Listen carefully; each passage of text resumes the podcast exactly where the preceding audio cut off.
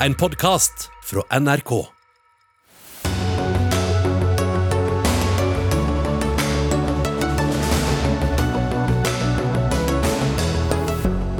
Regjeringen bruker for mye oljepenger i revidert budsjett, mener Høyre. Tvert imot, sier SV. Vi driver med viktige omprioriteringer, er regjeringens dom over seg selv.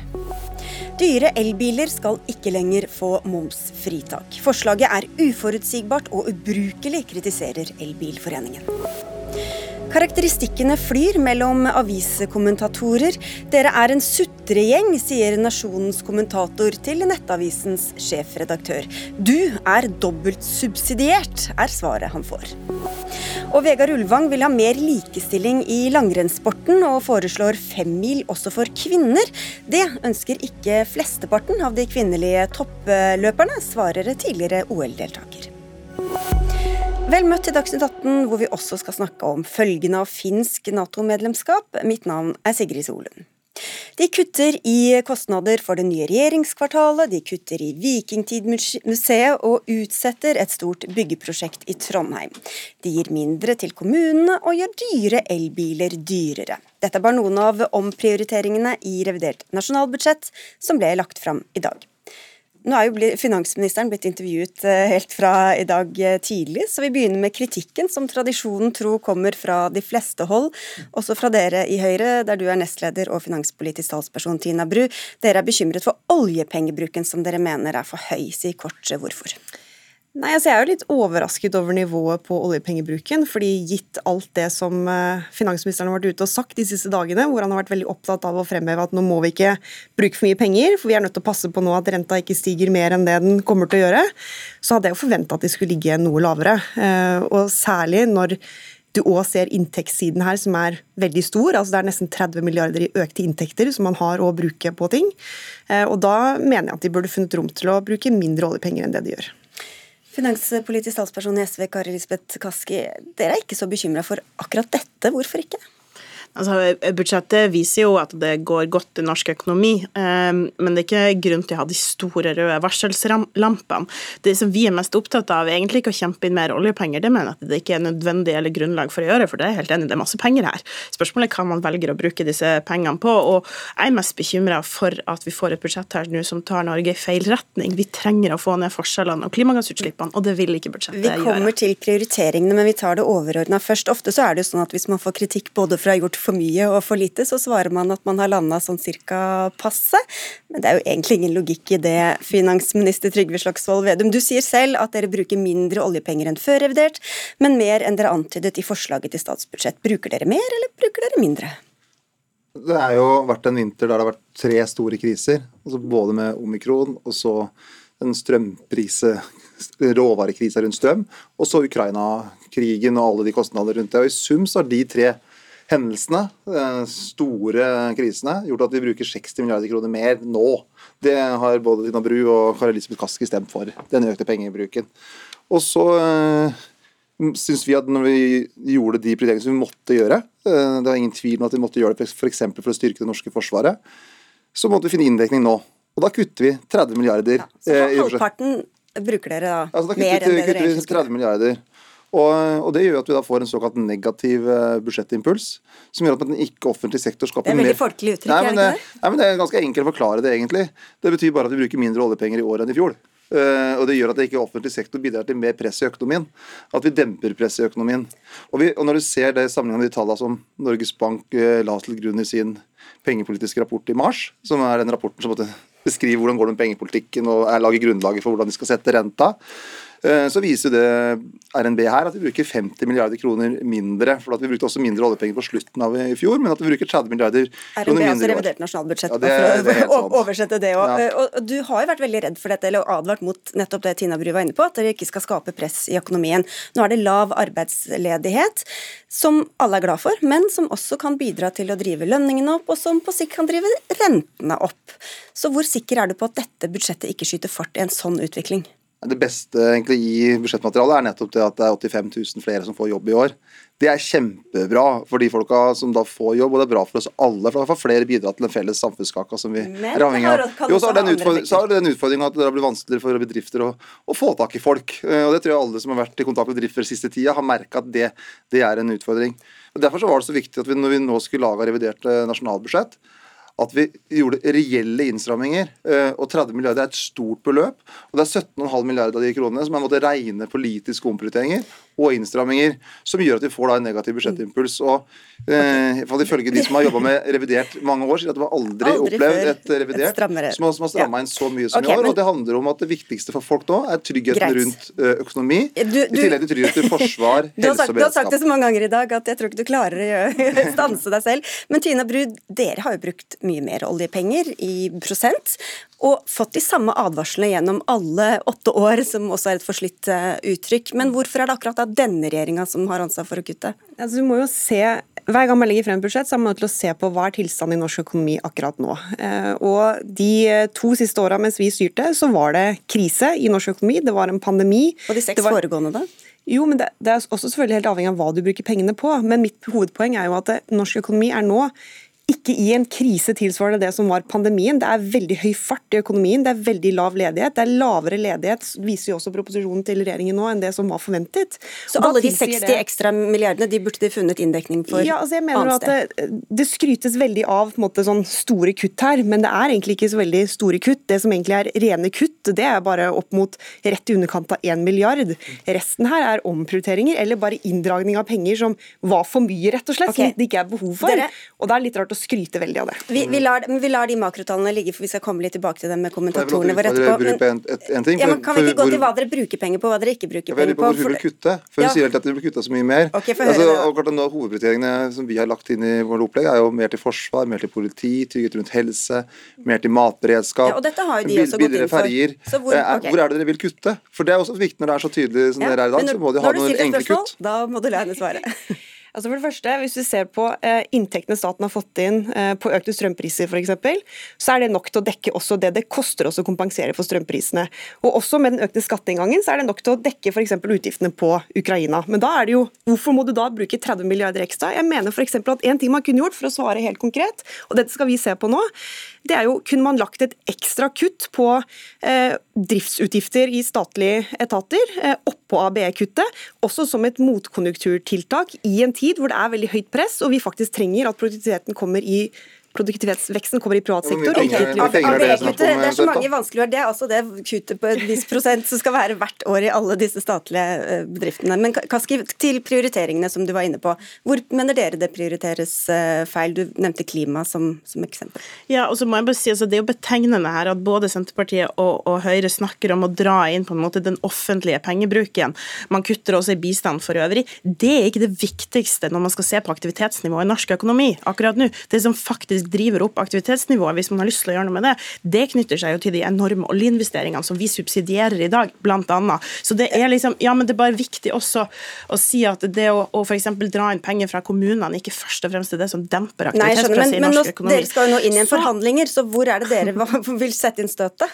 Så det viktige for oss, det tror jeg egentlig eh, alle som stemte på eh, de rød-grønne partiene ved fjorårets, eh, fjorårets valg, vil være enig i det at vi får et retningsskifte for Norge etter åtte år med borgerlig regjering. Og det dreier seg jo konkret om at vi må få ned forskjellene, færre må være fattige, og vi må kutte klimagassutslippene. Og det eh, klarer vi ikke å se at det her budsjettet tar oss imot. Og jeg eh, syns at det er kjempeviktig at når vi er i tider med økende priser på de mest nødvendige varene, på mat, på strøm, på drivstoff, så må politikken aktivt motvirke at de med dårligst råd faktisk blir fattige i den situasjonen vi står i. Vi kan ikke ha det sånn at vi har et solid rød-grønt flertall mens forskjellene øker, og mens vi ikke klarer å nå klimamålene for at det ikke er godt nok på klimatiltak. Det er veldig mange gode klimatiltak i, i det som ligger her. F.eks. en enorm satsing på, på havvind, og å kartlegge forhold for å bygge ut havvind. Det er store satsinger på, innenfor klima innenfor land, landbruksområdet, hvor man kan få ned klimagassutslippet der. Det er også satt av penger til både karbonfangst og -lagring med 300 millioner kroner. Så mange konkrete klimatiltak i et revidert budsjett. Og så er det det som er noe av det aller viktigste vi gjør for å få ned forskjellene i Norge, er å få folk i arbeid. Og når, og når vi får 85 000 flere folk i arbeid i år, så skaper det så mye bedre liv. Og Det er derfor som gjør at jeg mener at uh, vi ikke har fått et eneste velferdskutt i opplegget her. Ingen velferdskutt, men vi kutta f.eks. i det prestisjeprosjektet til Høyre å lage et veldig stort regjeringskvartal, som vi syntes var uklokt, en dårlig ressursbruk, og vi kutter i det og sier at vi også skal færre ansatte i departementene framover enn det regjeringen Ja, la til, okay. forrige regjering la opp til. Så det er klare prioriteringer. Ingen kutt på velferd, ingen kutt på de lokale tjenestene. Der er det styrking og trygghet. Men så må vi tørre å prioritere høy, hardere enn det Høyre gjorde. Det er ikke helt riktig, fordi at på mange bostøttemottakere vil oppleve nå et reelt kutt som følge av det som ligger inne her, for man viderefører eh, bostøttemodellen fra høyreregjeringa. Det betyr at færre får bostøtte, rett og slett. Og det, det er et kutt for noen av de som har dårligst råd. Og så er det eh, ikke riktig heller å si hva det er, 75 millioner tror jeg det er på havvindsatsing. Det er ikke en enorm satsing på havvind. Men dere, Vi snakket hvor- om havvind her i går. Vi skal snakke mer om klima i morgen, er eh, planen. Men vi kan gå på noe av det som dere har fått kritikk for også, Vedum. Eller du skrøt i dag av eh, gratis ferjereiser til mange i Distrikts-Norge. og Samtidig sa du at politikk er å prioritere. Men dere viderefører ikke ordningen med å dekke tapte inntekter i kollektivtrafikken. Ruter som kjører i Oslo og deler av Viken har allerede varslet kutt. Hvorfor er det logisk og rettferdig å gjøre ferje gratis, mens kollektivtilbudet på Østlandet dyrere og dårligere? Her må man huske bakteppet. Vi ga ekstra penger til kollektivtilbudet eh, fordi at vi hadde omikronutbrudd. dette er jo prioriteringer. Jo, jo, men det var nettopp det. Det var en prioritering. Eh, Vi ga ekstra penger til kollektivtilbudet. Også på Østlandet, andre hele landet òg. Ja, og stanser dere det. Og det var 1,6 Det var en en stor milliardbevilgning vi gjorde til det. Som, som vi sa skulle vare ut hele første halvår. Og så var jo omikronsrestriksjonene de var ferdige i februar. Og nå er vi tilbake til normalen. Men spørsmålet mitt er fortsatt, Jo, fordi er- Ruter sier de sliter, de har ikke nok, de, de må kutte. Og da prioriterer jo dere gratis reise for noen og dårligere tilbud for andre. Nei, vi går tilbake til normalen. For vi kan jo ikke ha kompensasjon for koronaen når ikke koronaen er der. Så det, er, så det er jo så enkelt og så vanskelig. Vi hadde jo to store ting vi gjorde for å sikre tilbudet i Norge. Det var at vi fjerna flyseteavgifta de første seks eh, månedene. Og så kompenserte vi fylkeskommunene eh, for tapte billettinntekter de første seks månedene. Og så var jo restriksjonene på korona ferdig i februar. Og så lot vi da det gå fire måneder til for at man skulle ha en overgang. Men nå er overgangstida over, og da må man tilpasse tilbudet til etterspørselen. For vi kan heller ikke ha et tilbud som ikke folk bruker.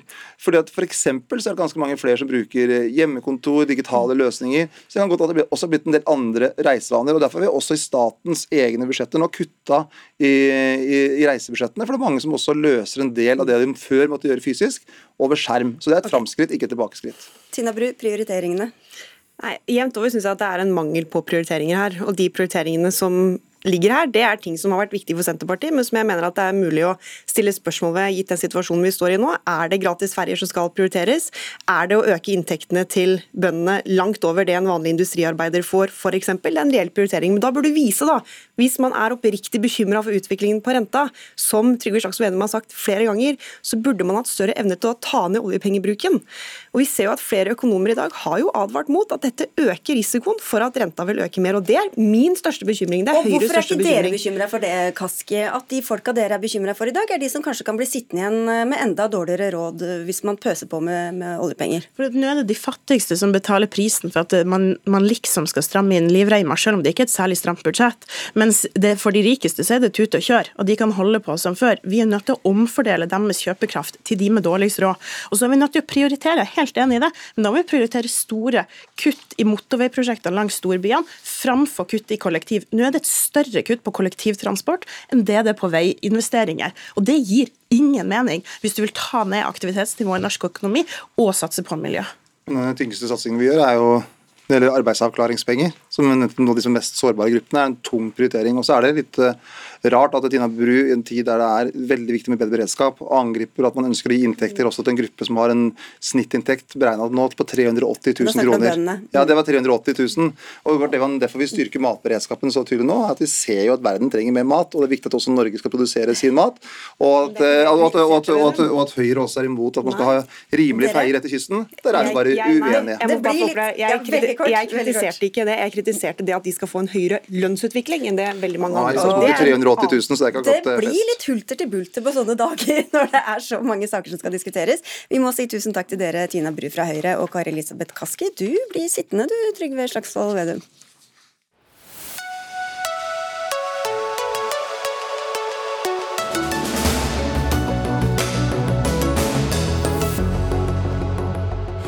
Håpløst, ubrukelig og uforutsigbart, det er dommen over at regjeringen fra og med neste år vil kutte i momsfritaket for noen elbiler. Det skal byttes ut med en ordning som kommer til å gjøre biler som koster over en halv million kroner dyrere. Og denne dommen den kommer fra dere, Kristina Bu, du er generalsekretær i Norsk Elbilforening. Kanskje ikke voldsomt overraskende at dere er mot eh, at det endres på betingelsene? Ja, vi, er ikke, vi, er ikke, negative til at man begynner å innføre moms. Jeg vil bare slå det fast med en gang. Det vi er ekstremt bekymra for nå, er at eh, de har valgt å kaste den eh, modellen vi har, over bord. Eh, som vi har hatt i over 20 år i Norge, og innføre noe helt nytt. De innfører full moms for alle elbiler. Det er det de gjør. 25% moms på alle elbiler. Og så kommer de heller med en subsidieordning for, for å dekke opp den kostnaden opp til 500 000. Helt ny måte å gjøre eh, elbilpolitikken på, som blir veldig uforutsigbar for forbrukerne. Men hvorfor er det så uforutsigbart? Nei, for Nå blir det en budsjettpost i, uh, i budsjettet. Uh, det kommer til å bli dragkamp i budsjettforhandlingene framover. Det kommer overhodet ikke til å bli forutsigbart. Vi mener at det hadde vært mye bedre om man heller begynte å innføre en lav momssats. Den momssatsen, uh, En moms er jo på verdi på en bil. Det vil også gjort at momsen ble høyere på de dyreste elbilene. Ok, Vedum, ta dette med systemet først, da. Ja, det her blir jo veldig forutsigbart. Altså, du får refundert all moms eh, opp til 500 000 kroner. Og det som bilen koster mer, der må du betale moms. Så hvis da f.eks. du kjøper en dyr elbil til 1 million, så er det null moms opp til 500 000, men beløpet fra 500 000 da opp til 1 million betaler du moms på. Så det er, eh, det er, en veldig forutsigbar og enkel ordning. Og så mener vi da, i, fra Senterpartiet og Arbeiderpartiet sin side at det er ikke noen grunn for at vi skal sponse de aller dyreste elbilene. Vi ønsker å få flere elbiler inn i det norske markedet. Da kan vi sponse vanlige og rimelige elbiler. Og hvis du da har råd til å kjøpe en veldig dyr elbil, så får du ta den ekstrakostnaden sjøl. Du får de 500 000 i bånn du også, eh, eller sponsa den første delen. Men resten får du da ta på egen lommebok. Og det handler om at vi ønsker å prioritere grupper ja. som har vanlige middels inntekter. Og hvis du har råd til å kjøpe en Porsche Cayenne til 1,7 millioner f.eks., så får du betale moms på den siste 1,2. Ja, det, det, er jo det eksempelet du bruker. Men hva med familier som har mange barn, da, som ønsker å kjøpe seg elbil? De må jo kjøpe seg en stor bil. Hvordan vet du at de har råd til det? Jo, men da kan vi ta nå er jeg mer enn middels interessert i bil. Da. Så hvis du tar, tar en eh, Skoda Enjakt med en stor bil, så får du mange av de bilene for mellom 400 til 500 000 kroner. Det, det, ligger ute i markedet. Så du får mange fine elbiler rundt 500 000 kroner som vanlige norske familier kan bruke for å få hverdagen til, til å gå i hop. Så det er jo det som er poenget her, at du skal eh, hvis du kjøper en helt vanlig norsk elbil, en Tesla modell 3 f.eks., eh, så, så får du refundert ja. hele momsen. Tar du deg råd til å kjøpe en litt dyrere bil, så, så, må du betale litt moms på ja, det øverste beløpet. Er det ikke unaturlig å anta at de som har råd til å kjøpe seg en bil til en million, også har råd til å betale moms? Men Jeg har overhodet ikke tro på den forutsigbarheten han snakker om. De sa sjøl i regjeringsplattformen at grensa skulle gå på 600 000. Nå er de allerede på, plutselig på 500 000. Eh, det er jo ingen, de bryter sin egen, eh, en egen plattform hvor de sa at det skulle være en avgiftsbasert ordning, og det skulle gjelde biler over 600 000. Er dere redde for at grensa stadig skal settes nedover? Ja, det kommer de selvfølgelig. Grensa, eller det, det blir jo en, en pott på budsjettet som, som, må forhandles om i hvert eneste budsjett framover. Da er jeg litt usikker på om klima kommer til å vinne. Eh, vi har en ordning i dag som er fungert i over 20 år. Jeg forstår også at vi må gradvis begynne å innføre momsen, og det har vi også sagt ja til, for nå har vi en markedsandel på over 80% Men da må man gjøre det på en varsom og forsiktig måte, som hele tiden sikrer at elbilene konkurrerer. For, ikke, for med det som nå er foreslått, så kommer de ikke til å nå 2025-målet. Eh, dette 2025-målet, står dere bak det? Ønsker dere å nå det? Det er det som sier at eh, bare nullutslippsbiler er de som skal selges av nye biler innen 2025. Ja, det er jo det som er den store driveren der nå er jo at det er en enorm eh, teknologiutvikling og konkurranse. Dere står fortsatt ved det? Ja, det er jo målet. At vi skal liksom fase ut fossilbiler. Ja, mål er jo mål, men er det, det, er det, det, det, det, politikken skal være? Det er jo det som er politikken vi styrer etter. At man skal fase inn da biler eh, med, med null utslipp. Her, er dere sikre på at dere kommer til å nå det målet med det dere nå foreslår? Ja, ingen kan være sikre på. Har dere regnet på det? Poenget er at dette er en veldig målretta og god ordning, som gjør at vi, vi, sikrer at det er veldig lønnsomt å kjøpe seg en elbil hvis man ønsker å kjøpe seg en uh, ny bil. Og du får dekt alle momskostnader opp til 500 000 kroner. Så det er en veldig Men ordning. Hvordan havna dere fra 600 000 til 500 000, da? Nei, det er når vi, når vi ser på hvor gode biler du kan få. Og så er det en politisk prioritering. at Vi mener at det er riktig. Og så ønsker vi å være forutsigbar. Apropos forutsigbarhet. For vanligvis varsler man den type avgiftsendringer i oktober. Jeg som finansminister er opptatt av å varsle tidlig, sånn at folk som nå er ute og skal kjøpe seg bil, veit, eh, hvis regjeringa får gjennomslag da, i Stortinget, at hvis du f.eks. kjøper deg en bil som koster en million, da, så må du betale moms på de siste 500 000 av, av den millionen. og Da er det forutsigbart for folk. Det, og folk kan det er en avsporing å, avsporing å snakke om biler som koster en million. Halvparten av elbilene som selges i Norge nå, eh, koster over 500 000. Hvis du kjøper en Skoda Enyaq og skal ha med ekstra vinterhjul og litt, den beste rekkevidden, som mange i distriktene faktisk trenger, så kommer den bilen på mellom 500 000 og 600 000. Så dette slår ikke bare på de dyreste bilene. Du, du snakker bare om det, men det er en avsporing. Dette rammer alle, alle, halvparten av alle elbilene som selges. Og så er det noe med det. Hvorfor kaste om på en, hel, en ordning vi har som fungerer bra. Hvorfor ikke heller innføre en lav momssats? Det vil være ja, forutsigbart okay. for, for, for, eh, forbrukerne. Ja, det er ikke noen, noen, grunn for at hvis du f.eks. kjøpe en elbil over 500 000 og du tar på en skiboks eller du skal ha med nye vinterdekk i tillegg, som er bedre, at du da skal få momsfritak på også det. Så det her er rett og slett en prioritering av samfunnets ressurser. Og ja. vi mener det er viktig å få inn elbiler, som gjør det på en mest mulig effektiv måte, men at de dyreste bilene, der må også de som har råd til det Så de som trenger elbil i Finnmark, som trenger god rekkevidde og hengefeste, de skal nå ikke ha mulighet til ja, å velge elbil. Jo, Hvis noen ønsker å kjøpe en pickup-truck sånn som du kjører, mm. og den, nå kommer det også som el el eh, framover, kommer ingen ta råd til å, å kjøpe med, med, den ordningen du har. Og det blir dragkamp i budsjettforhandlingene hvert bidige år. Da kommer klimaet til å tape. Vi kommer ikke til å nå 2025-målet.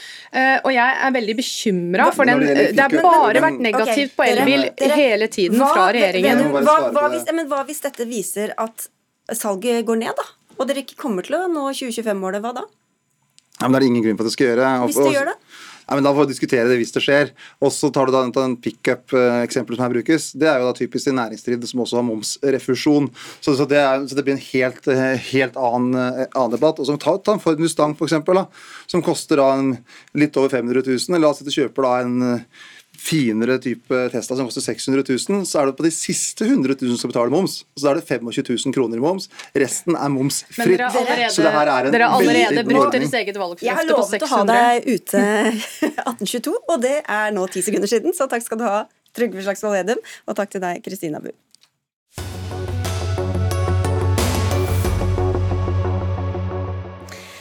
Som vi var inne på, dette reviderte nasjonalbudsjettet skal sørge for at renta ikke går opp mer enn den må. Det har vært eh, finansministerens mantra siden i morges. Men Elisabeth Holvik, sjeføkonom i Sparebank1 Markets, gjør dette budsjettet etter ditt syn det mer eller mindre sannsynlig at det blir flere rentehevinger, og raskere kanskje enn det Norges Bank har sagt? Det blir nok eh, mer og hyppigere eh, rentehevinger med det budsjettet her. Hvorfor det? Nei, hvis du tenker tilbake til eh, nasjonalbudsjettet, dette er jo revidert budsjett, så var jo innstramminga i oktober eh, på 2,6 eh, Så har en fått en kraftig økning i inflasjon globalt som følge av krigen og pandemien. Så har en fått leveringsproblemer, og så har en fått et kraftig tempoøkning i norsk økonomi. Bedriftene mangler arbeidskraft, det er masse ledige stillinger. Så det går så det griner i norsk økonomi i en situasjon med unormalt lav rente. Styringsrenta er fortsatt bare 0,75% og det er unormalt lavt. Så i den situasjonen med kraftig press og aktivitet i norsk økonomi, så har vi behov for å dempe aktiviteten, og det kan du gjøre enten med å skru litt igjen på pengebruken over statsbudsjettet, eller sette opp renta. Men er det ikke vesentlig hva pengene går til? Det like, skaper det like mye press å, å peise det inn i Forsvaret og hjelpe flyktninger f.eks. som andre ting? Ja, og De to tingene du nevner er jo ting som skaper aktivitet i Norge. Så det bidrar jo absolutt til å skape press i økonomien. I tillegg så um, demper en jo effekter av uh, in, annen innstramming som strøm og uh, drivstofføkninger. Som selvfølgelig uh, det er riktig at de gjør det, men det trekker inn kjøpekraft og virker dempende. Politisk kommentator i NRK Lars Nehru Sand, eh, regjeringen vil jo både signalisere at de strammer inn og er ansvarlig, samtidig som de gir penger til dem de syns eh, fortjener det. Hvor, hvor mye kutter de egentlig? Det er ikke tvil om at mesteparten av det som er kutt, er eh, anslagsendringer, altså ting som, som, skjer litt utenfor regjeringens kontroll. Det blir mer skatteinntekter enn de hadde regna med, og, og, man bruker mindre på noen ting enn, enn, man hadde regnet med. Men det ligger også inne helt faktiske omprioriteringer og, og reelle kutt. Men det, det er mindre enn ja, rundt halvparten av det som, som kan kalles uh, nedjusteringer i dette budsjettet, da, som er rent villet kutt. Vedum har jo sagt ordet rente omtrent 300 ganger i dag, eller noe sånt, og, og bedyrer da at han vil bidra til å holde rentenivået lavt. Hvor skummelt er det for ham og regjeringa hvis de får skylda for at det går fortere opp? Det, det, er helt uh, uholdbart for en regjering å få skylden for å, å, påvirke folks uh, private økonomi, og for så vidt også bedriftsøkonomi på den måten der. Det tror jeg uh, vil hindre et, eller gjøre det helt uaktuelt at den regjeringen kan gjenvelges, hvis det blir det etterlatte inntrykk at regjeringen har skylden for dette. Nå er det jo lagt opp til en rentehevelser de kommende årene uansett, så det er jo om det skjer raskere eller brattere enn det. og Der får opposisjonen og økonomene har litt ulike vurderinger. Regjeringen fastholder at de uansett bruker mindre oljepenger, 2,9 eh, mot 3,0 som lå inne i det anslaget som Norges Bank hadde da rentebanen ble satt. Så, så regjeringen mener at de leverer sånn sett forsvarlig, og ikke bør få skylden for eh, renteøkningene. Ja, hvorfor er ikke det et godt eh, argument, Holvik? Jo, altså Det som en, også bidrar til å stimulere norsk økonomi, er den svake kronekursen. Når krona går svakt, så stiger oljefondet, og en kan da ta inn mer penger i statsbudsjettet og allikevel da være under handlingsregelen. Men den svake kronekursen er jo et tegn på at konkurransekraften for norsk økonomi er svak og at det, det, skjuler på en måte den høye lønns- og kostnadsveksten som har vært i norsk økonomi. Så det jeg hadde sett eh, hadde vært mye bedre bruk av eh, pengene over statsbudsjettet, det var jo å stramme mer til i det som gir rene eh, aktivitetsskapende effekt i norsk økonomi, og så heller gjort vekstfremmende tiltak, økt produktivitetsveksten gitt skattekutt, slik at du fikk mer konkurransekraft for å forberede oss på neste fase i norsk økonomi, der eh, en ikke kan satse på at kronekursen skal redde konkurransekraften. Det er kanskje en del som sliter med regningene der ute, som syns at det ikke er så ålreit å høre en godt lønnet økonom sitte komme med disse innstrammingsforslagene? Jo, men det handler ikke om å stramme til for vanlige folk. Det handler om å altså, kutte i uh, utgift over statsbudsjettet som uh, ikke rammer si, de som utøver utøve altså lærere og sykepleiere, men mer altså ting som skaper aktivitet, men som ikke fremmer vekstkraft og produktivitet. Og Der er det nok veldig mye å ta av, sånn som f.eks. Eh, det de har gjort med regjeringsbygget, som er en, en positiv eh, bidrag i den måten. Vi er innom kommuneøkonomi, eh, Lars Nehru Sand. Det har jo vært en av Senterpartiets viktigste saker i alle år. Hva tror du opposisjonspolitiker Vedum ville sagt til finansministeren i dag, hvis det ikke tilfeldigvis hadde vært ham selv? Nei, Det har vi jo faktisk eh, både på teip og på trykk, holdt jeg på å si. Eh, fordi Venum eh, senest i 2021 og 2020 var veldig opptatt av at det er helt riktig at kommunene kan beholde penger når de får ekstra inntekter, altså inntekter de ikke hadde regnet med å få. Det kan bidra til, til aktivitetsvekst. Nå ønsker man jo ikke det, men, men det kan også bidra til at kommunene betaler ned gjeld, eller det kan bidra til at man ikke øker eiendomsskatt, eller at man ikke kutter i tjenestene til oss innbyggere. Så eh, I opposisjon så har Vedum resonnert annerledes rundt dette. og så er det selvfølgelig, vil han si, da, eh, en ny situasjon i norsk økonomi, når man også på dette feltet bør holde igjen eh, på offentlig pengebruk for å passe på renta nok en gang. Nå skal SV inn og forhandle. Hvor tror du de vil sette inn støtet, og hvor vil de prioritere? Det er en del kutt som SV føler har gjort på deres eh, budsjettseire i, i vinter, bl.a. På, på en del klimatiltak. Det kan godt være de også vil se på hvor raskt man skal trappe ned denne elbilstøtten. Jeg tror ikke SV vil øke eh, oljepengebruken, det sa vel Kaski her eh, i sted. Men det er spennende å se hva de gjør med, med skatt, kanskje spesielt på formuesskatt. fordi SV kan jo si at når vi har fått 60 milliarder mer i utgifter, så er det veldig rart at Aps skatteløfte fortsatt skal ligge fast. Så Der har jo SV et handlingsrom som kanskje regjeringspartiene ikke føler de har. Vi får følge med og se. Takk skal dere ha begge to, Lars Nehru Sand og Elisabeth Holvik.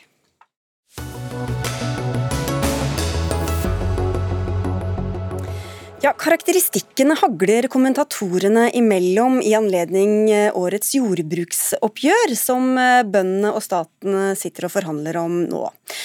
For å ta ett sitat. Sutregjengen i finans- og klikkpressen vil ikke endre foie gras-retorikken sin om norsk jordbruk før matmangelen hopper fram igjen fra historien og biter dem i virkeligheten. Dette skriver du, Hans Bårdsgaard. Du er kommentator i Nasjonen, og du er kornbonde. Hva og hvem er denne sutregjengen du sikter til? Um jeg sikter til en eh, liten gruppe meningsdannere på høyresida i norsk media, der Gunnar Stavrum er med, eh, som har høyt lønnsnivå og lavt kunnskapsnivå om norske bønder og norsk matproduksjon. Eh, og De syter og klager og prøver å fortelle folk at norsk mat er dyr og dårlig at norske bønder ikke tjener så verst, og at norske bønder raner statskassa. Eh, I virkeligheten så, så, vet vi at uh, norsk mat er blant de sunneste i verden, de tryggeste i verden, for internasjonale priser. Samtidig som norske forbrukere betaler en mindre del av sin disponible inntekt uh, på mat, målt mot nesten alle andre i, i hele verden. Og så er norske bønder, Noen norske bønder tjener greit, og det er jo fordi de er nødt til å ta seg jobb utafor gården for å ha en anstendig inntekt. Det er jo på samme måte som lavtlønte i USA eh, gjerne har to jobber. Det betyr jo selvsagt ikke at de er, har god lønn, men at de jobber eh, dobbelt. Eh, og så raner de statskassa. Eh, I 1980 så rana norske bønder 7 av, nasjonal, av statsbudsjettet i Norge. Eh, I dag så raner norske bønder 1% av eh, statsbudsjettet i Norge. Det, er et, det, er så dårlig ran at det, det er Olsenbanden-nivå, altså. Gunnar Stavrum, ansvarlig redaktør i Nettavisen, du var jo ikke nådig selv i svaret til Bårdsgaard, som du kaller subsidiert fra morgen til kveld. Men hvor treffsikker syns du hans karakteristikker av deg var, da? Jeg syns den bommer fullstendig. Det er liksom sånn, det er så billig retorikk å liksom snakke om foie gras og, og sutring i finans, finanspressen. Det, det det er snakk om, det er at vi som har litt interesse for økonomi, påpeker hvor utrolig lite vellykka norsk jordbrukspolitikk er. Vi bruker nesten 40 milliarder kroner i året på å subsidiere en næring som gir oss verdens dyreste matvarepriser, samtidig som vi eh, ikke heller lykkes i å opprettholde antall, antall gårdbrukere. Så det, det er et, en vanstyrt næring, og verre blir det når de nå legger 10 milliarder kroner, nye milliarder kroner på bordet for å holde liv i en gjennomsubsidiert gjeng som sutrer og klager fra oppgjør til oppgjør. Men du, du skrev jo at bøndene har ranet statskassen, som Bårdsgaard var inne på. Hvordan kan du beskylde bøndene for ran, når de i realiteten er fullstendig prisgitt hva politikerne vil gi dem? Eh, det jeg peker på i den kommentaren er jo at eh, Noen av de som skriker høyest for mer penger til bøndene, har direkte egeninteresse av det. Bl.a. Eh, kornbonden som du har i studio, som da er ikke bare en subsidiert i nasjonen for å snakke bøndenes sak, men han får også statsstøtte for å drive en gård. Det er klart Han vil ha mer til, til gård. Og Det samme vil jo fem av seks statsråder fra Senterpartiet i regjering. Dette er en sterk interessegruppe som har lagd en ganske falsk retorikk for å få oss andre til å betale veldig mye for en veldig lite effektiv næring. Ok, Skriver du som bonde eller som journalist, Bårdsgaard?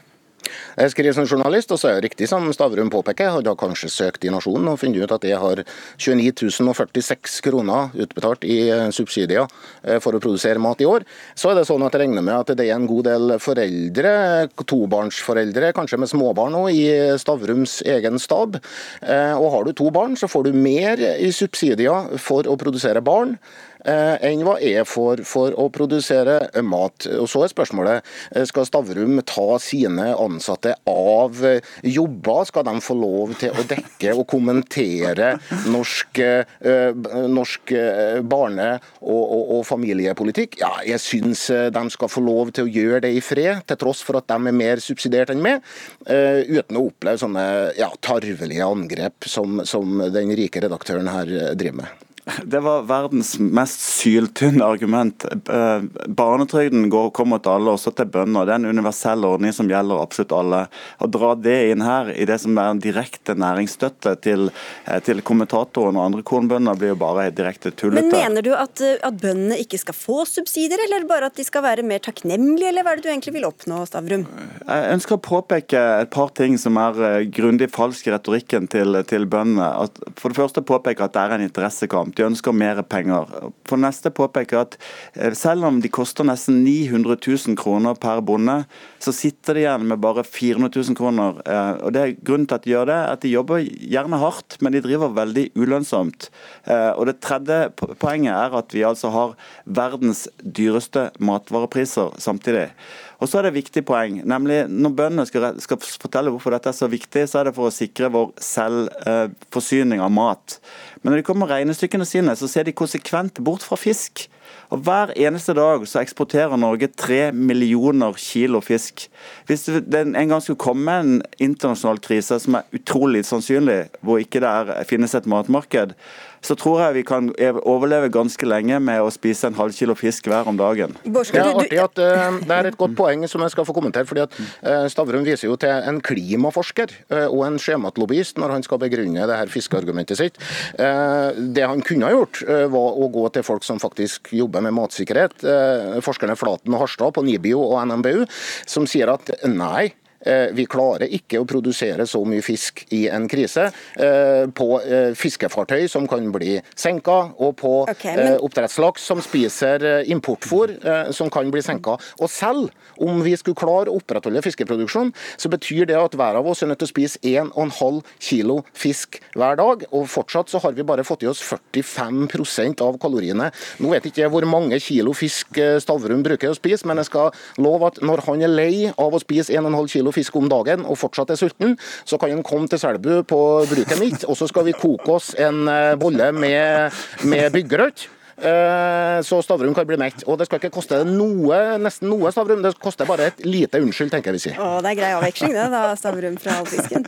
Jeg kommer gjerne og spiser byggrøt på, på gården på Selbu, men eh, poenget her er jo på en måte at det er en utrolig søkt krise man holder fram, hvor, hvor all matvarehandel i verden skulle forsvinne. For det, det, er jo ikke sånn at vi er nødt til å spise fisken vår selv, men er bare, poenget er bare at vi vil, kommer til å bytte den fisken. Vi kommer til å gjøre sånn som vi gjør i dag. Vi selger fisk kjøper vi korn, vi kjøper avokado, kiva, tomater, bananer, druer. En mengde ting vi kjøper. Hvor skal vi frakte fisken hen? Ja, men eh, Hvordan skal du drive åkeren din når, når, traktorfabrikken er i utlandet, og du også, eller også norske bønder importerer korn fra utlandet? Hvis den krisen kommer, så må du gå med åkeren. hest og plog i åkeren din. og Det blir ikke åkeren, mye mat av. Åkeren min, eh, åkeren min er drevet siden 1800 før Kristus, og det var lenge før eh, importen. og Jeg tror vi skal klare å drive den lenge etter import og eksport. Vi får håpe det. Takk skal dere ha, begge to. Gunnar Stavrum fra Nettavisen og Hans Bårdsgaard fra Nasjonen.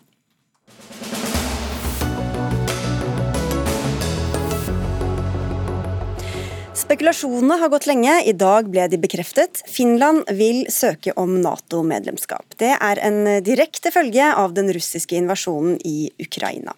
Responsen fra Kreml er at dette uten tvil er en trussel mot eh, Russland. Nato-leder Jens Stoltenberg ønsker finnene varmt velkommen, og Finland blir, etter alt å dømme, dermed det femte Nato-landet som grenser til Russland. Sverige følger trolig etter allerede på mandag. Morten Jentoft, utenriksreporter i eh, NRK, du er i Finland, hvor presidenten og statsministeren altså i dag sa at Finland bør bli med i Nato uten noen forsinkelser. Hva ligger i det, hvor fort kan dette skje? Dette kommer til å skje eh, veldig fort. Nå eh, er jo ikke kan du si, avgjørelsen endelig tatt, det er det jo Riksdagen som skal ta. Men eh, de siste tallene som jeg så nå i ettermiddag viser at mer enn 150 av de 200 folkevalgte i den finske riksdagen de støtter nå Nato-medlemskap. Også det finske SVs leder, Venstreforbundets leder, Li Andersson, sier at hun også støtter eh, Nato-medlemskap. Så det er jo ingen tvil om at eh, Finland kommer til å søke om Nato-medlemskap. Eh, Riksdagen skal behandle dette allerede til helgen eller like over helgen. Sånn at en søknad den kommer til å gå til Brussel i løpet av neste uke. Det er i alle fall det som det spekuleres i her nå i ettermiddag. Og så har jo finnene vært bekymret for hva som kan skje før de faktisk er medlem av Nato. Er er de fortsatt det, eller er de nå mer bekymra for hva Russland kan finne på på lang sikt? Ja, Begge deler, selvfølgelig. Eh, man følger selvfølgelig veldig nøye med de signalene som kommer fra Moskva. Eh, det at man fra det russiske utenriksdepartementet i ettermiddag eh, snakket om at man må foreta seg militærtekniske tiltak i forhold til det som nå skjer, altså det finske og svenske Nato-medlemskapet, det vekker jo selvfølgelig i alle fall bekymring. Det var jo den samme ordbruken man også brukte overfor Ukraina. Ingen tror selvfølgelig at eh, Russland kan komme til å tenke på noe slags militært angrep eh, mot Finland. Men det kan tenkes at man vil foreta seg eh, noen provokasjoner. Det har vært snakk om nødlandinger av fly i Lappland, det har vært snakk om å kjøre båter på grunn på Åland. Altså, dette er jo bare spekulasjoner. Og selvfølgelig også det som mange er redd for, at man vil prøve seg på noe slags hybridangrep. Altså angripe datanettet, infrastruktur, datastruktur her i Finland. Det er vel det man er mest redd for. Tusen takk skal du ha, Morten Jentoft. Karsten Friis, seniorforsker i NUPI. Nå blir altså med finsk Nato-medlemskap grensa fra Nato-land til Russland dobbelt så lang. Hvor provoserende er dette for Russland, tror du? Ja, Det er fortsatt en veldig liten del av Russlands grense, da, kanskje 5 eller 10 eller noe sånt, som er mot Nato-land. Så det er ikke så mye. Så det er, burde ikke være provoserende. Eh, Finland har ikke noe mer si, offensive vilje til å angripe Russland på noen som helst måte. Eh, men klart, russisk verdenssyn er jo noe ganske annet enn vårt, som vi har sett. Så, så de liker jo ikke det. Det forventer vi jo. Og I dag sa Kremls talsperson Dmitrij Peskov at utvidelse av Nato ikke vil gjøre verden eller Europa mer stabilt. Ine Eriksen Søreide, du er leder i utenriks- og forsvarskomiteen eh, for Høyre. En ting er jo hva vi ønsker og hvordan vi syns det burde være, men rent realpolitisk, er ikke du bekymra for at dette kan gjøre verden eller Europa enda mer ustabilt? Nei, tvert imot mener jeg at det vil gjøre europeisk sikkerhet eh, sterkere og bedre. Det vil gjøre finsk sikkerhet bedre, og også norsk. Og det gir oss en eh, veldig god anledning til å samarbeide enda tettere enn vi gjør nå i Norden. Og det gjør også at vi kan ha en fornuftig arbeidsdeling, særlig i nordområdene, som jo blir geostrategisk viktigere og viktigere. Det er f.eks. sånn at vi da kanskje i større grad kan bruke hverandres baser til å øve og trene, og gjøre ting som vil styrke den regionale sikkerheten og Europas sikkerhet. Og det at russerne kommer med den type utsagn og trusler er jo ikke uvanlig. Det har de gjort mot Norge helt siden vi var med å stifte Nato i 1949. Og jeg tror finnene er veldig godt forberedt, og også svenskene, på at russerne nå kommer til å sette i gang en propagandakampanje med trusler, svartmaling osv., som jo er en del av det, det russiske narrativet. Eivind Wad Petersson, du er statssekretær eh, i Utenriksdepartementet. Hva rent praktisk kommer dette til å gjøre med både norsk og nordisk sikkerhetspolitikk? da? Ja, det, jo, eh, det vil få betydelige konsekvenser. Eh, bare et raskt steg tilbake. Altså, det er jo en, en, historisk dag, selv med et brutalt bakteppe, at de nå åpenbart er på vei inn i Nato. Vi venter nyheter fra Sverige veldig snart. Det vil eh, ha, bety et, helt paradigmeskifte for eh, forsvars- og uh, sikkerhetspolitisk samarbeid i, Norden. Eh, vi forplikter oss nå fullt ut til å forsvare hverandre, og vi kan planlegge forsvar sammen. Vi kan gjøre veldig mye mer sammen. Det er eh, veldig bra for forsvaret av Norge og for forsvaret av Norden. Eh, Karsten Friis, altså, Sverige og Finland, har de vært faktisk redde for at Russland skulle gjøre noe, eller er det mer sånn strategi som ligger til grunn for at de nå melder seg inn Finland i første rekke? da? Ja, det er, det er, jo en bekymring for hva dette, dette regimet i, i, Russland kan finne på å gjøre i framtiden. Det, det, er erfaringen med at det er forskjell på partnerskap og medlemskap. Og, og Opinionen har svingt veldig fort i begge landene, og det er sett at de trenger den ekstra forsikringen som det innebærer. Og, og, og det å være en del av dette europeiske og vestlige fellesskapet enda mer enn det allerede er, og det er det ikke noen tvil om. De er ikke nøytrale. De har aldri vært nøytrale, de har vært ikke-allierte. Ehm, så, så, er de mye mer, enda mer forankret rent eh, forsvarsmessig. Gikk det først nå opp for dem hva det vil si å være alliert, og hva det vil si å ikke være det? Vel, Politiske svingninger går fort, og det har vi sett. Det er den opinionen i landet som har endret seg fort. Folk har, eh, har blitt redde, og det har vært en politisk bevegelse som har, har skjedd på veldig rask tid. Så det er pga. krigen i Ukraina, selvfølgelig. Jeg tror også det er et veldig viktig poeng at eh, Finland i det de kommer med av uttalelser i dag, er veldig klare på at dette kan Russland eh, takke seg sjøl for. Fordi det er den russiske aggresjonen og invasjonen av Ukraina som er den direkte årsaken til at eh, Finland nå søker seg mot Nato. Og det er jo den samme årsaken som Sverige kommer til å begrunne sitt standpunkt med når de legger fram sin beslutning om, om få dager. Og jeg tror nok at det som veldig, altså det, det, vi ser veldig tydelig nå i, i, eh, Sverige og Finland, er jo modige politiske ledere som på rekordtid tar konsekvensen av den endra sikkerhetspolitiske situasjonen, og ser at bildet er så annerledes at for at de skal kunne klare å være trygge og beskytte landet, så må de inn i en allianse som kan gi dem et eh, forsvar som er større enn det de har. Morten Jentoft var jo inne på det, Karsten Friis, hva som kan skje fra russisk side mot grensa til, eh, til Sverige og, og Finland. Bl.a. at atomvåpen kan bli utplassert i Østersjøregionen. Kan Nato akseptere hvis det skjer? Ja, For det første så tror jeg ikke at, at Jeg tror kanskje at Sverige og Finland vil velge en, en atomvåpenpolitikk à la Norge og Danmark har, altså at de ikke har atomvåpen på vår, vår jord. Eh, når det kommer til Russlands side, så, så har de av og til plassert ut allerede sånne mobile det vi kaller dual use, altså missilsystemer som kan bruke, både ha kjernefysiske og konvensjonelle våpen. Det har de gjort allerede eh, under øvelser og slike ting i Kaliningrad og også i våre områder. Om de gjør det litt mer enn før, så vil ikke det forandre noe, noe, noe spesielt. Eivind Wad Petterson, det har kommet sikkerhetsgarantier fra Storbritannia om hva som kan skje også før de er fullverdig medlem. Eh, forsvarsminister Bjørn Arild Gram lover norsk hjelp til Norge og Finland i denne gråperioden. Hva innebærer det egentlig? Bare For å forsvare den grå perioden, det er noe finnene selv har vært opptatt av lenge. at Hvis de kom dit nå at de signaliserer at de ønsker å bli medlem, så vil det nødvendigvis gå noen måneder før eh, prosessen er ferdig, at alle de 30 medlemslandene formelt har sagt ja gjennom sine parlamenter. Det er en potensielt litt usikker grå periode. Eh, eh, der har britene kommet med erklæringer. Vi har hatt svært tett kontakt med både Sverige og Finland, og med våre andre nordiske Nato-medlemmer Danmark og Island. så det kan det, kommer nok flere nyheter om dette de nærmeste dagene, men vi er opptatt av at Sverige og Finland selv skal ta styringen akkurat nå og få fullføre sine nasjonale prosesser før vi kommer på banen. Men de kan stole på vår støtte i det de nå skal gå gjennom. Men er det helt uproblematisk?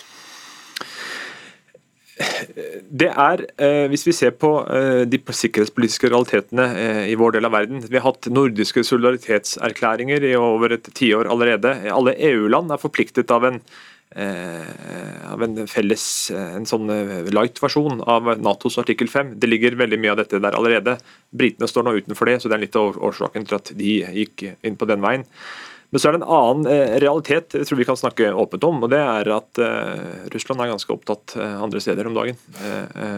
Så hva man er i stand med å finne på militært, og som andre virkemidler, er jo helt begrenset akkurat nå. Som også igjen er en del av forklaringen til at både finner og svensker nå beveger seg så raskt som de gjør. At nå er det et mulighetsvindu på den måten også. Men nettopp også fordi de ikke har vært medlem av Nato, så har det jo vært eh, også bånd mellom Finland og Russland og Sverige og Russland. Hva, hva blir igjen om noe av de båndene nå? Du, Det tenker jeg veldig opp til Putin.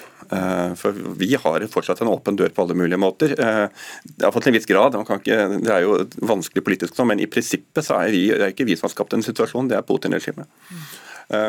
Ja, fortsett.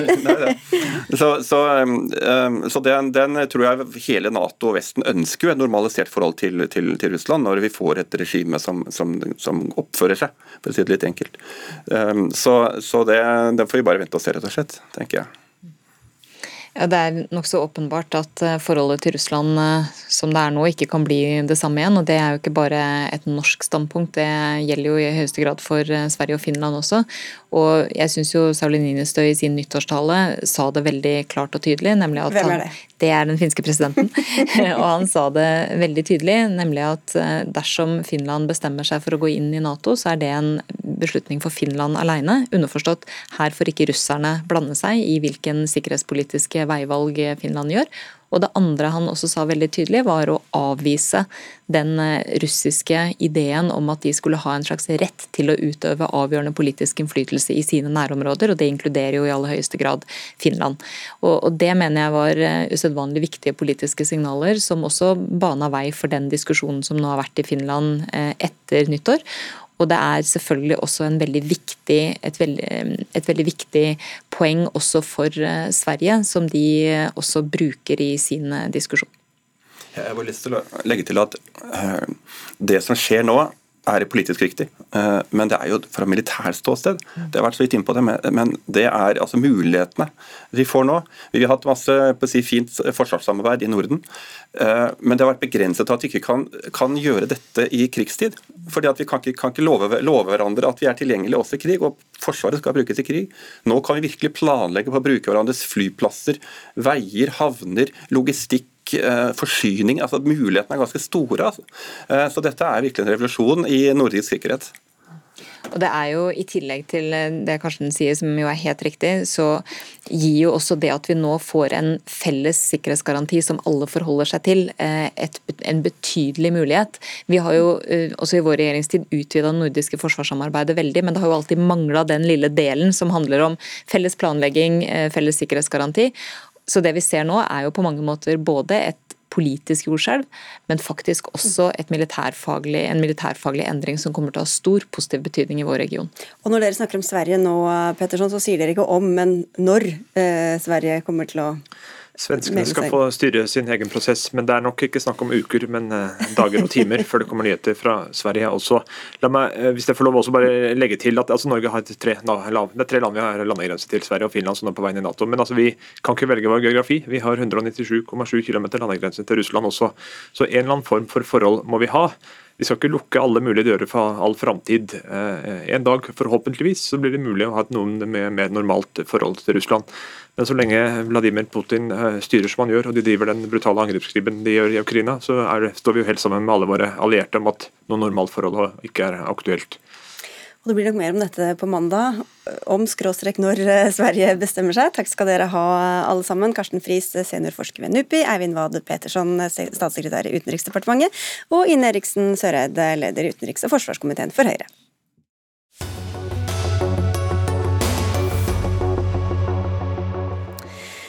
Bør også kvinner gå femmila? Det skal FIS, altså Det internasjonale skiforbundet, ta stilling til nå. I dag er den lengste distansen for kvinner tre mil, men den distansen vil du øke betraktelig, og kommer altså med dette forslaget, Vegard Ulvang. Du er avtroppende leder av langrennskomiteen i FIS, og tidligere OL-mester i langrenn. Hvorfor bør kvinner og menn ha de samme distansene? Ja, Det er for det første ikke akkurat mitt forslag. Vi har en arbeidsgruppe som har foreslått her etter å ha jobba med det en par års tid. Eh, nei, det er på høy tid at vi korrigerer en historisk eh, hva skal vi si, urett og misoppfatning at kvinner ikke kan gå like langt på ski som menn.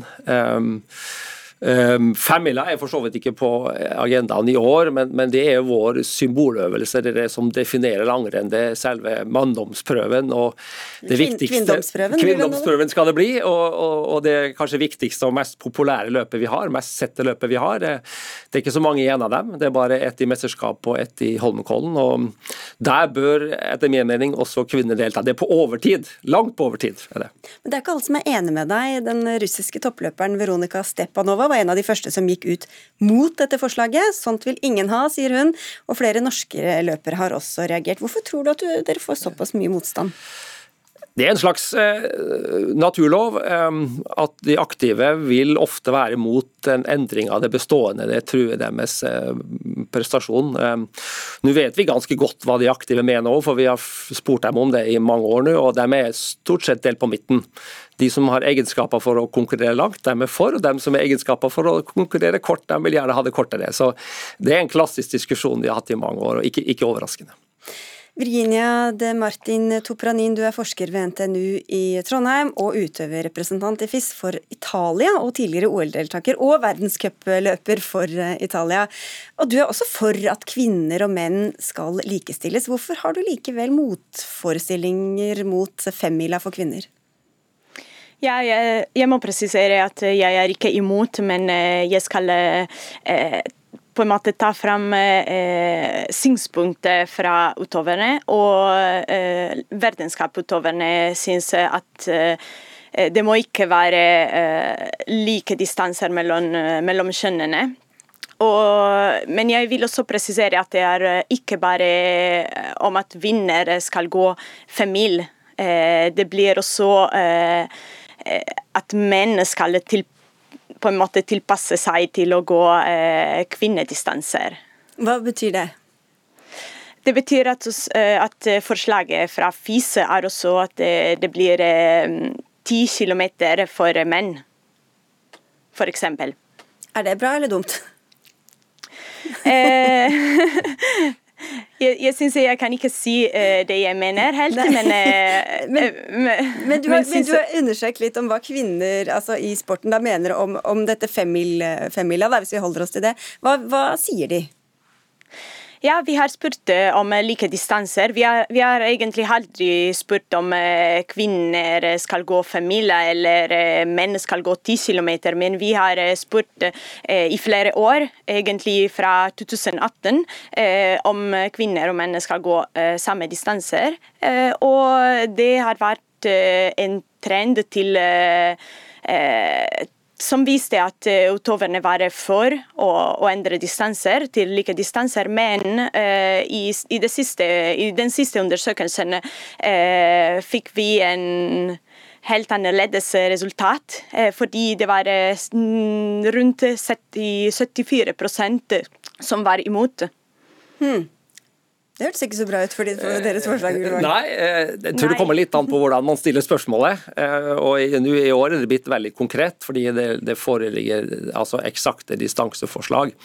Det skal vi nå vente et år med å bestemme. Det som er på agendaen, eller som vi skal beslutte nå om eh, i neste uke, det er for så vidt prinsippet om like distanser.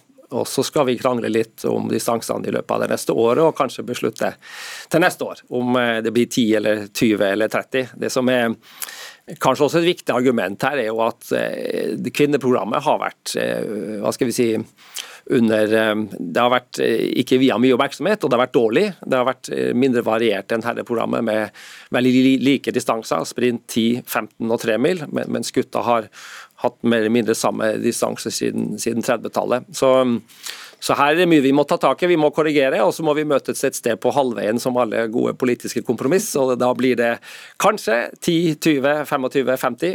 Men eh, femmila var med, det er vår viktigste øvelse, og der må også damene gå. Men en av bekymringene, eller innvendingene, er jo at eh, menn og kvinner har ulik fysikk. Eh, det kommer til å ta lengre tid for kvinner, og kanskje bare noen som klarer å hevde seg. Kan det da virke mot sin hensikt? Hvis ingen gidder å se på, f.eks.? Det viktigste argumentet som har vært ført mot Jeg har fått dette spørsmålet fra eh, særlig kvinnelige journalister i, i 20 år eh, om hvorfor ikke damene får gå femmila i Holmenkollen. Og Da har vi svart ofte at det, ja, det, er færre kvinner i toppen, det blir mindre spenning, det blir, kan bli langt trekkelig og kjedelig. Jeg syns ikke det argumentet lenger holder mål. og det ville være å gjøre en, en, en, stor urett og ikke la dem få delta i vår mest prestisjefylte skirenn og mest historiske skirenn som har gått siden 1888. Det er på høy tid å gjøre en endring her. Tupranin, hva tror du, hvor populært kan en femmil for kvinner bli? Uh, jeg tror det kan være egentlig veldig populært. Uh, Men hva, ja. Ja, du, jeg, jeg forsto at du, du kanskje var litt bekymret for hvordan dette ville slå ut på rekrutteringen? Ja, uh, det er det. Det er noe som FIS må passe på. Fordi det kan være mer krevende å satse på langrenn hvis kvinner skal gå lengre distanser. Eh, så FISE må passe på at det blir en, eh, en god overgang fra junior til senior, f.eks. Hvordan har dere tenkt om det? Det er viktig med gode overganger, eh, men jeg er ikke helt enig i det hun sier. Vi har faktisk også en ganske fersk undersøkelse om hva de yngste mener, og de, om de vil gå kort eller langt. og En veldig fersk undersøkelse viser at de, de, de faktisk de aller yngste liker å gå langt. Men her er vi delt på midten. og igjen, Å spørre de aktive hva man syns om sånt, er kanskje ikke det viktigste spørsmålet her, men bør, beslutninga bør tas med en litt lengre horisont enn akkurat hva som er best for Nei, Det er det vi har politikere for, og det er det vi har nasjonale skiforbund for, som da kommer til våre møter med forhåpentligvis en felles mening. Så ja, hvilke, hvilke, muligheter tror du dere har til å vinne? Jeg tror jeg er ganske sikker på at det forslaget kommer til å bli vedtatt. Eh, signalene så langt er at um, mange av de store nasjonene kommer til å stemme for dette her. Ja, Hva tror du, Topranin? Ja, eh, for se hva skal skje neste uke når vi skal ha FISE-møter. Eh, men eh, jeg vil også si at det er svært relevant å ta, å ta sin i diskusjon det uh, utøverne mener, men uh, de skulle, ha, skulle, ikke ha ansvar uh, for, for, mm, for, å ta denne beslutning, beslutningen, fordi det, det, er FIS som må ta det. Og det er det også. Takk skal dere ha, begge to. Dagsnytt 18 er over for i dag. Line Forsmo, Lisbeth Sellereite og jeg, Sigrid Solund, takker for i dag og ses og høres igjen i morgen.